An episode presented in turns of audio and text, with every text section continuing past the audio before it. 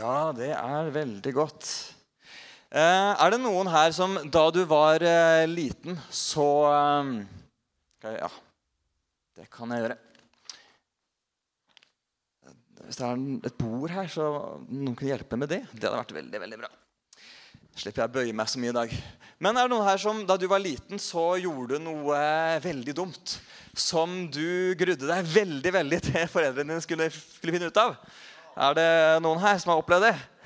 Åh, Det er ikke noe god følelse, altså. Jeg, tusen takk. Jeg husker eh, jeg hadde var vel eh, 18 år, hadde akkurat fått lappen. Eh, og så eh, skulle jeg kjøre inn i garasjen. Eh, og så så jeg at det var liksom litt nærme veggen. Tenkte at dette går veldig bra. Eh, men det gjorde det ikke. så jeg skrapa liksom opp sida på bilen. Og det var så forferdelig. Og jeg rygga ut igjen og eh, så det greiene her. Og tenkte nei, nei, nei. Hva har jeg gjort? og så tenkte jeg her må jeg prøve å fikse opp i. Så jeg, først så tok jeg, fant fram eh, vann og såpe og vaska over hele bilen. da. Og det eh, var ikke mye hjelp i det. Eh, og så gikk jeg til pappa og spurte du, har du en sånn greier som jeg kan polere bilen. og så hjalp han meg med det, og så begynte jeg som å gnikke på den flekken og pusse og ordne. og Funka ikke det heller, gitt. Eh, og det var sånn Nei, hva har jeg gjort? hva har jeg gjort? Og så senere om den dagen så skulle jeg kjøre en tur med søstera mi. Eller hun skulle kjøre. Jeg skulle sitte på. Og jeg, vet du Jeg satt der og håpa at hun skulle kjøre borti noe. ah, tenk så fæl person jeg er. Jeg tenkte, åh, Tenk om hun eh, kanskje kjører, kjører av veien, eller at det går bra med oss, men ikke så bra med bilen. Eller tenk, tenk om hun kanskje bare kjører borti veggen når hun skal inn i garasjen. Ah, tenk så fint det hadde vært. Men hun kjørte jo fint, hun, så det, dessverre det skjedde ingenting. Og så skjønte jeg jo det at eh, OK, da, da har jeg prøvd alt. jeg må si det til pappa. Eh, og jeg sa til pappa, og han ble ikke sint. Eh, jeg måtte ikke betale noe, og jeg fikk fortsatt lov til å bruke bilen. så det gikk veldig bra. Eh, og i dag skal jeg snakke om det å komme hjem til pappa. Eh, nå snakka eh, Øyvind og varmt om del én, som jeg hadde forrige gang. Eh, temaet var 'Gud er en god far'. Og det er temaet i dag også. Og det som er, Den tilnærminga jeg tok til det, da, det er at da Jesus kom til jorda og ville vise hvem Gud var, så eh, valgte han å vise eh, at Gud er en god far. Han, eh, far var det navnet han aller mest brukte på Gud, og han lærte de å be til Gud som far eh, i Herrens bønn.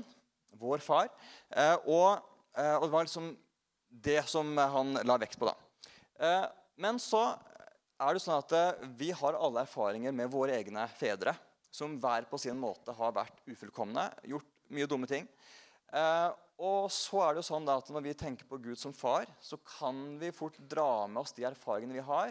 Og så kan det på en måte prege hvordan vi ser på Gud. Eller kan ødelegge litt eh, tanken om hvem Gud er.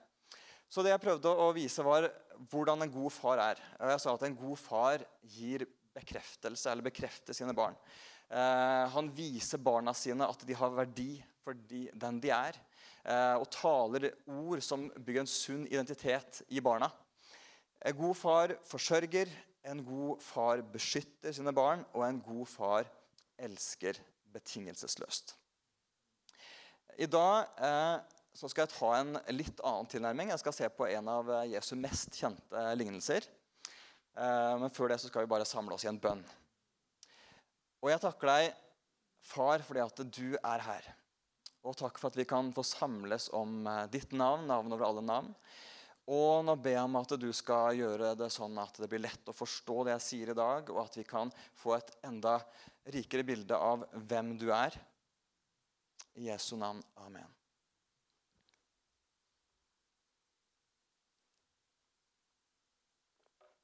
Ja, Går det fortsatt bra? Ja, ok. Det er veldig fint. Du, Jesus, når han underviste, så brukte han eh, mange lignelser. Sånne enkle sånn hverdagslige historier eh, som eh, skulle på en måte vise noe om hvordan ting fungerer i Guds rike. Og en av de mest kjente lignelsene til Jesus den står i Lukas 15. Og da, da starter jeg med å lese det. Jesus sa en mann hadde to sønner. Den yngste sa til faren, 'Far, gi meg den delen av formuen som faller på meg.' Han skiftet da sin eiendom mellom dem. Ikke mange dager etter solgte den yngste sønnen alt sitt og dro til et land langt borte. Der sløste han bort formuen sin i et vilt liv. Men da han hadde satt alt over styr, kom det en svær hungersnød over landet, og han begynte å lide nød. Da gikk han og søkte tilhold hos en av innbyggerne der i landet. Og mannen sendte ham ut på markene sine for å passe grisene. Han ønsket bare å få mette seg med de belgfruktene som grisene åt, og ingen ga ham noe. Da kom han til seg selv og sa, 'Hvor mange leiekarer hjemme hos min far har ikke mat i overflod?' mens jeg går her og sulter i hjel. Jeg vil bryte opp og gå til min far og si, Far, jeg har synda mot himmelen og mot deg. Jeg fortjener ikke lenger å være sønnen din. Men la meg få være som en av leiekarene dine. Dermed brøt han opp og dro hjem til faren. Da han ennå var langt borte, fikk faren se ham. Og han fikk inderlig medfølelse med ham. Han løp sønnen i møte, kastet seg om halsen på ham og kysset ham. Sønnen sa, 'Far, jeg har synda mot himmelen og mot deg. Jeg fortjener ikke lenger å være sønnen din.' Men faren sa til tjenerne sine, 'Skynd, nei, ja, skynd dere, finn fram de fineste klærne.' og ta dem på ham.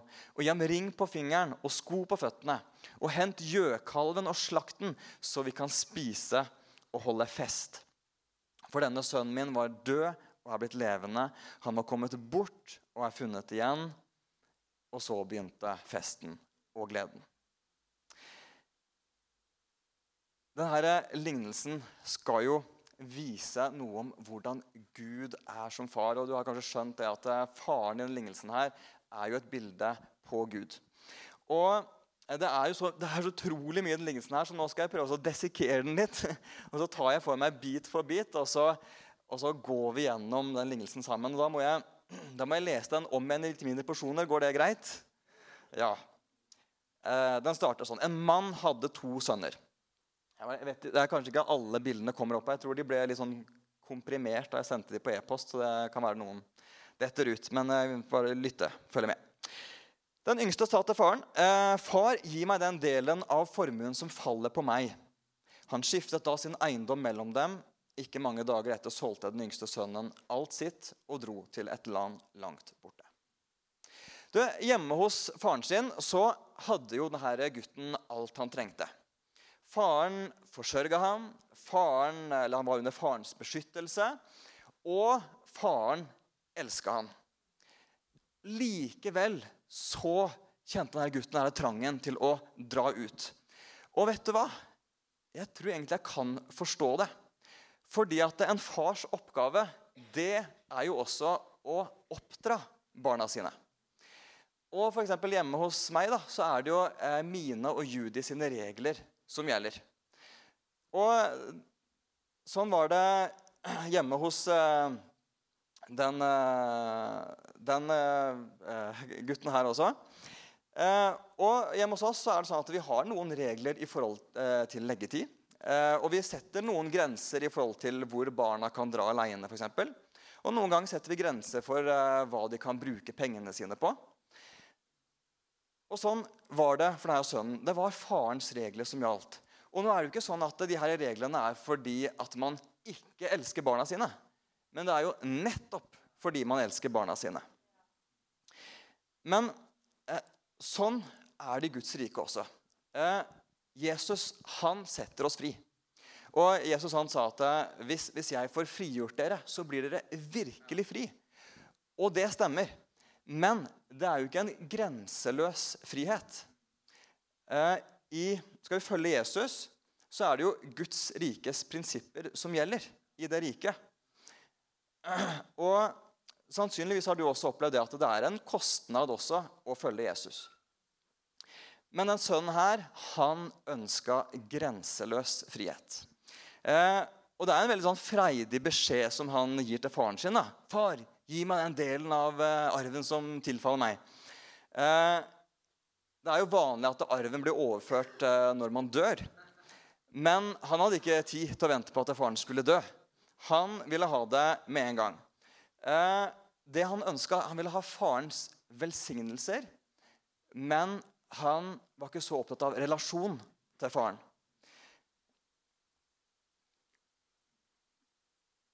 Og Det har jeg, det har jeg sett også flere ganger. Eh, og Jeg fortalte her i vinter at eh, tidligere var vi en, eh, jeg og noen kamerater vi var av og til på byen og på Hercules og ba for syke.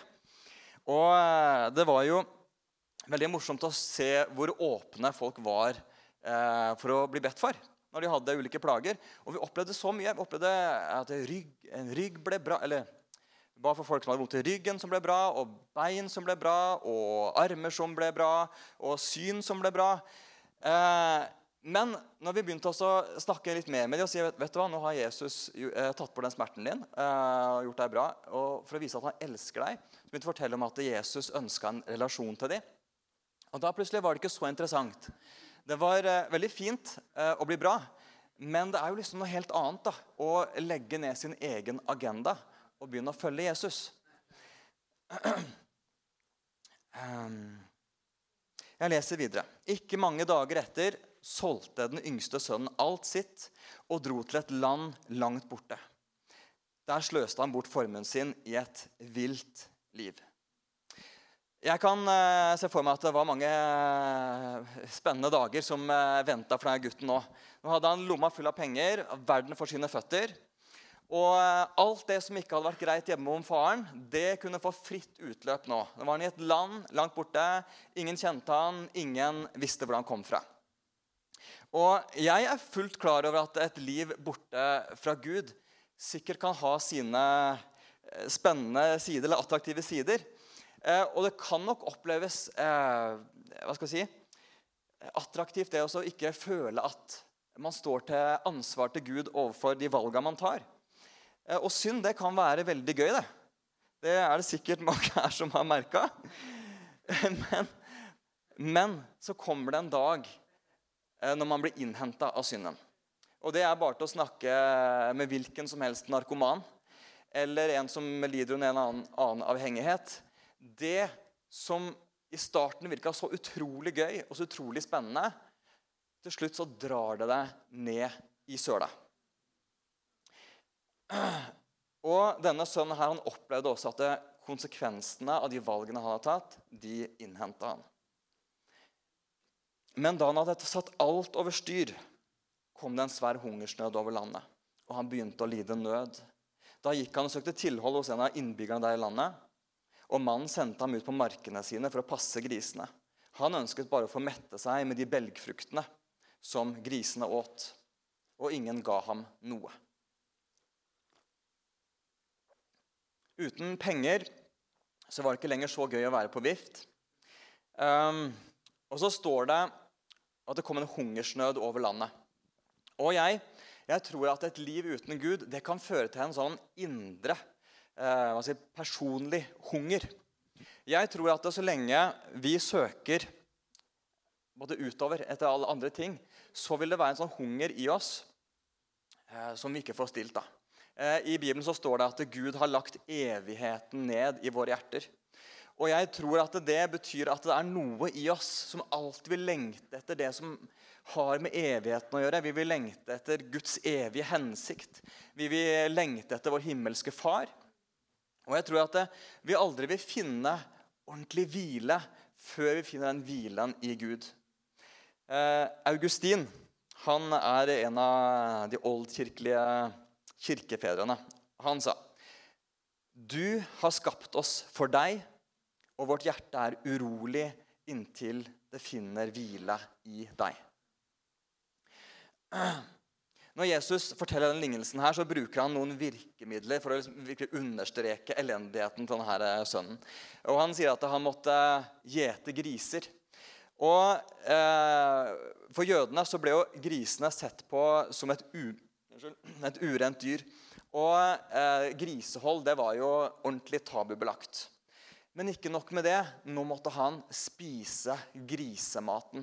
Og, og Jesus understreker bare hvor elendig livet hans eh, hadde blitt. Lenger ned i søla var det vanskelig å komme, og kontrasten til livet hjemme hos faren den var jo enorm. Og jeg vet ikke hvor du befinner deg i livet ditt. Din situasjon der du er nå. Eh, tviler på at du, eh, du passer griser. Men det kan være at du befinner deg et sted i livet der du aldri trodde du skulle havne. Eh, kanskje merker du eh, konsekvensene av valg som du har tatt. Og det er ikke noe godt sted å være. Så står det videre Da kom han til seg selv. Hvor mange leiekarer hjemme hos min far har ikke mat i overflod, mens jeg går her og sulter i hjel? Jeg vil bryte opp og gå til min far og si, Far, jeg har synda mot himmelen og mot deg. Jeg fortjener ikke lenger å være sønnen din, men la meg få være som en av leiekarene dine. Dermed brøt han opp og dro hjem til faren. Det livet eh, som for kort tid siden hadde virka så utrolig dølt og eh, kjedelig, det opplevdes plutselig veldig attraktivt. Eh, og bare det å være en tjener hjemme hos faren det virka 100 ganger mer attraktivt enn å være i den situasjonen hvor han var nå. Og så står det at gutten eh, kom til seg selv. Og det er et interessant uttrykk, fordi at det kaller egentlig Bibelen for omvendelse. Omvendelse det er eh, for det første handler om at man får en ny innstilling. Og så handler det om at man endrer retning. Og han, eh, gutten her han kunne jo han kunne jo fortsatt å overbevise seg sjøl om at eh, han var på et bedre sted enn hjemme hos far. At det var som kjedelig og dølt hjemme hos far, men nå var han i hvert fall sin egen herre. Eller han kunne ha sagt at nei, men dette er bare en fase, dette kommer jeg gjennom, og så blir alt bra igjen. Men han gjorde ikke det. I stedet for så ydmyka han seg, og så omvendte han seg. Og mange tenker at det er et eh, Og det å være ydmyk, at det er et nederlag. Og i kulturen vår nå så er det jo egentlig stolthet som er idealet. Og mange de vil heller eh, forsvare sine feil i stedet for å omvende seg. Men jeg tenker at både ydmykhet og omvendelse det er noe som er helt fantastisk. Fordi det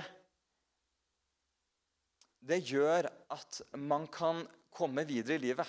At eh, den situasjonen du er i, eh, den kan ta slutt, og man kan eh, få en bedre utgang. Det er starten på et bedre liv, at slutten kan bli bedre enn begynnelsen. Og hvis du akkurat nå opplever at du høster noen dårlige frukter av dine valg,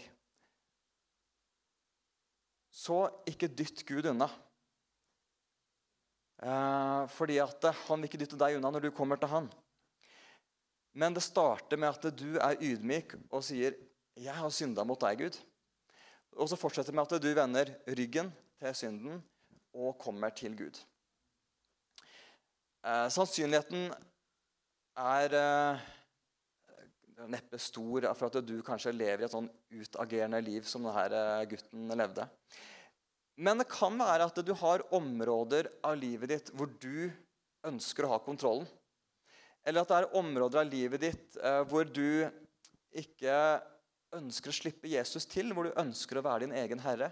Eller at du er redd for å slippe Jesus til, for du vet ikke hva han skal mene om deg. Eller mene om det. Men det som skjer når gutten kommer hjem til Gud, er, eller han, faren sin, det er helt fantastisk. Det står Da han ennå var langt borte, fikk faren se ham, og han fikk inderlig medfølelse med ham. Han løp sønnen i møte, kasta seg om halsen på ham og kyssa ham. Det står at eh, faren fikk øye på ham mens han ennå var langt borte.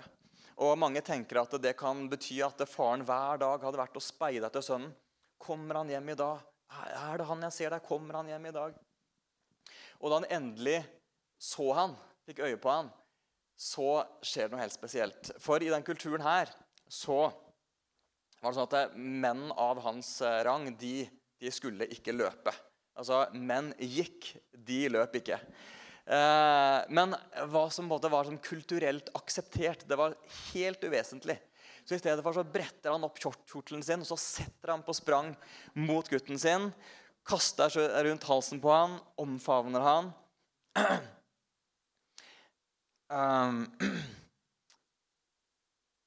Ja, for en velkomst. Og vet du hva? Det er den samme velkomsten som Gud ønsker å gi meg og deg hver gang vi venner oss til Han. I Johannes 6,37 så sier Jesus, 'Den som kommer til meg, vil jeg aldri støte bort'. Og så prøver han sønnen med denne eh, talen han har forberedt. da. Står det videre, 'Far, jeg har synda mot himmelen og mot deg.' 'Jeg fortjener ikke lenger å være sønnen din.' Men ble avbrutt da. Men faren sa til tjenerne sine, 'Skynd dere, finn fram de fineste klærne og ta dem på ham.' 'Gjem ring på fingeren og sko på føttene.' 'Og hent gjøkalven og slakten. Så vil vi spise og holde fest.' For denne sønnen min var død og er blitt levende. Han var kommet bort og er funnet igjen. Og så begynte festen og gleden. Jeg tenker at det her det virker jo som det perfekte øyeblikket for å gi den sønnen en skikkelig kjennepreken. Virkelig stramme han opp og liksom få han til å passe, skamme seg akkurat passe mye. Og han virkelig skal skjønne hvor dum han har vært. Og som han skjønte sjøl, så fortjente han ikke denne velkomsten. Men det som er så bra med Gud, det som jeg er så glad for, han gir oss ikke det vi fortjener. Og Jesus, eller Gud, handler mot oss i forhold til sin godhet. Og det gjorde også denne faren. Og Gutten var, kom jo rett fra grisebingen, ikke sant? Og, og her kommer han i, i sølete klær. Og så sier faren, 'Finn de fineste klærne i huset og ta det på ham.' Det, det betyr at faren gjenoppretta verdigheten til denne sønnen. Og så sier han at han skal ha sko på føttene. Og Det var fordi at slavene eller tjenerne de gikk rundt eh, barbeint. Eh, men at han fikk sko, det var et tydelig tegn på at han var sønn i huset. Og Så står det at han fikk ring på fingeren. Og vi vet ikke, men Kanskje kan det ha vært en sånn signetring som, eh, som gjorde at han kunne gjøre avtaler på vegne av sin far. Og så hadde de vanligvis bare én sånn gjøkalv, og den ble liksom feita og fôra opp til en, spes en spesiell anledning. Eh, og ingen anledning var bedre enn den her, når sønnen var kommet hjem. Gjenopprettelsen, den var fullstendig. Og det er sånn Gud er. Eh, hver gang du omvender deg fra din egen dumhet og oppsøker din himmelske far, så møter du en far som har venta på deg, som løper deg i møte, som omfavner deg, og som er klar til å gi deg sin betingelsesløse kjærlighet. Eh, jeg har heller ikke liksom levd et sånn utagerende liv. Men det skal jeg love deg, jeg har gjort mange ting som har såra andre mennesker. Jeg har gjort ting som har gjort livet vanskeligere for andre. Jeg har gjort ting som har ødelagt for meg sjøl og for andre. Og jeg har gjort ting som jeg har skamma meg over.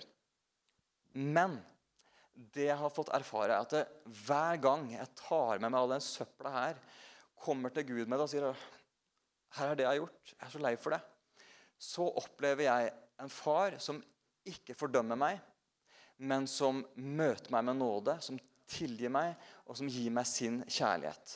Og det gjør at jeg kan gå ut i livet uten å dra med meg all den søpla. Ikke ha det som en klamp om foten, hele historien min. Fordi det er en Gud som tilgir meg, og som gir meg en ny start. Den lignelsen her den har fått eh, navnet av mange for 'Den bortkomne sønn'. I Bibelen min så, eh, så, heter den 'Sønnen som kom hjem'. Og kanskje er det et bedre navn, fordi at det, det har ikke så mye å si hvor bortkommen du er, så lenge du kommer hjem til far igjen. Men så står det med en annen sønn også i denne lignelsen her. Og jeg lurer på om kanskje det er han som var mest bortkommen. Og det var den sønnen som aldri dro ut på, på tur i den store verden. Og Vi skal lese slutten av lignelsen nå. Det står imens var den eldste sønnen ute på markene.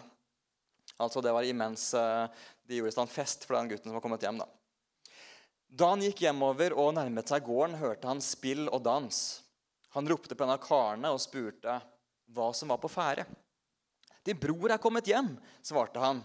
Og din far har slaktet gjøkalven fordi han har fått ham tilbake i god behold. Da ble han sint og ville ikke gå inn. Faren kom ut og prøvde å overtale ham, men han svarte faren. Her har jeg tjent deg i alle år, og aldri har jeg gjort imot ditt bud. Men meg har du ikke engang gitt et kje, så jeg kunne holde fest med vennene mine. Men straks denne sønnen din kommer hjem, han som har sløst bort pengene dine sammen med horer, da slakter du gjøkalven for ham. Faren sa til ham, barnet mitt, du er alltid hos meg, og alt mitt er ditt. Men nå må vi holde fest og være glade, for denne broren din var død og er blitt levende. Han var kommet bort og er funnet igjen. Den gutten her, han var jo sønn på gården. Men i praksis så levde han som en tjener. Og han trodde at det å være sønn det innebar å overgå tjenerne i å gjøre sitt beste for å gjøre faren fornøyd. Og Det kan nesten virke som han kanskje venta tålmodig år etter år på at han en dag skulle gjøre seg fortjent til gjøkalven. Og hvis man følger Jesus, så, så er man Guds tjener. Eh, Paulus bruker det begrepet flere ganger. Han kaller seg for Jesu tjener. Men det handler om en tjeneste som er en respons ut fra at man er akseptert, inkludert og elska. Det er ikke for å oppnå noe av det. Eh, hjemme hos oss så har vi noe vi kaller for ryddetimen. Eh, og Det prøver vi å få til en gang i uka. Og Da er det sånn at eh, da må store og små eh, være med, voksne og barn. Noen vasker gulvet, og noen støvsuger kjellerstua, og noen må vaske doen. og Alle, alle bidrar for å få huset i orden. Og Hvis man zoomer liksom inn og tar et sånn øyeblikksbilde av akkurat den situasjonen, så kan det jo virke som barna er våre tjenere. ikke sant? Eh, men det handler jo ikke om det. Det handler om at vi er en familie. Vi står sammen, vi støtter hverandre, vi hjelper hverandre. Og alle bidrar etter evne for det beste for hjemmet vårt. Men hvis det var sånn at barna mine måtte gjøre det her for å fortjene min kjærlighet, da ville jo kanskje mange tenkt på det som en dysfunksjonell familie. Og noen kristne de går rundt og så lever de som tjenere. Mens de i virkeligheten er sønner og døtre. Og de tror at Guds kjærlighet og aksept er noe de må fortjene ved å gjøre så godt man kan. Og jeg vet ikke, Kanskje var det sånn når du, når du vokste opp hos din far, eh, at du hadde en opplevelse at du måtte gjøre deg fortjent til hans kjærlighet. Eller at hvis du gjorde feil, da, da ble du liksom eh, eh, Da ble du avvist. Og Sånne erfaringer de kan jo dra oss inn i relasjonen til Gud. Men sånn er ikke Gud. Gud er den som løper i møte, den som har gjort alt galt, ikke fått til noen ting. Og den blir overøst med kjærlighet. Kan dere få lov til å komme opp? I Det gamle testamentet så ser vi hvordan Guds folk de hadde ikke denne erfaringen av å være Guds barn. Og I stedet levde de under en eh, lov som detaljregulerte livene deres, og som styrte det gjennom 'du skal' og 'du skal ikke'. Men så ser vi at Paulus han tar et oppgjør med denne måten å leve kristenlivet på. Eh, og han skriver i Galaterne 4. I tidens fylde sendte Gud sin sønn, født av en kvinne og født under loven. Han skulle kjøpe fri dem som sto under loven, så de kunne få retten til å være Guds barn. Fordi dere er barn, har Gud sendt sin sønns ånd i våre hjerter. Og ånden roper, 'Abba, far'. Abba er det arameiske ordet for pappa. Derfor er du ikke lenger slave, men sønn. Hvis du har hatt din identitet som bare Guds tjener, så er du velkommen til å få en ny identitet. Først og fremst som Guds barn. Du er ikke lenger slave, men du er sønn eller datter. Jeg skal da runde av nå. Og bare si det at hvis, hvis du opplever at du er eh, kom på avstand fra Gud, eller at det er noen områder i livet ditt som, hvor du har ønska kontrollen sjøl, som du ikke har ville vise Gud, så trenger du ikke være redd for å nærme deg Han. Han venter på at du skal uh, komme til deg selv, som det sto i lignelsen. Uh, han står klar til å tilgi deg, omfavne deg og gi deg sin kjærlighet. Og vi har noen uh, fine folk nede i kroken i den retning jeg peker nå, som et bønneteam. Og hvis du syns det har vært godt å få noen til å be for deg eller samtale med deg, så har de taushetsplikt og, og, kan være med også eh, gå sammen med deg i den prosessen. Og hvis du eh, vet med deg sjøl at du ikke har tatt imot Jesus, at du ikke eh, er Guds barn, så er det sånn at det står i Johannes 1,12 Jesus sier eh, Eller Johannes skriver alle som tok imot ham, dem ga han rett til å bli Guds barn. De som tror på hans navn. Bibelen forteller at eh, Jesus kom til jorda og eh, ble hengt på et kors. Og Der står det at han tok på seg straffen for alt det gale alle mennesker har gjort. Og ved å tro at Jesus døde og sto opp for deg, så er det sånn at du kan få tilgivelse for alt det gale du har gjort. Du blir sletta ut, og du kan få lov til å bli Guds barn. Få oppleve Guds tilgivelse, Guds kjærlighet, og bli hans barn. Og det gjør det enkelt ved bare ta imot Jesus. Bare si, 'Jesus, jeg tror at du døde på korset for meg. Vil leve for deg.' Og kanskje har du tjent Gud trofast i mange år, men så vet du med deg sjøl at uh, det her har jeg gjort for at jeg ønsker å til noe. Så er du velkommen til å få en ny identitet som Guds barn. At du er elska uavhengig av hva du gjør, kun fordi du er en sønn eller datter. Så skal vi ta og eh, lovsynge Gud litt nå. Eh, så kan du få lov til å gi din respons til Gud. Kan få lov til å gå ned der til bønneteamet hvis du ønsker å snakke med noen eller bare bli bedt for og velsigna. Eller du kan stå i, i lovsangen og gi din respons til Gud sånn. Da kan vi ta oss og reise oss opp.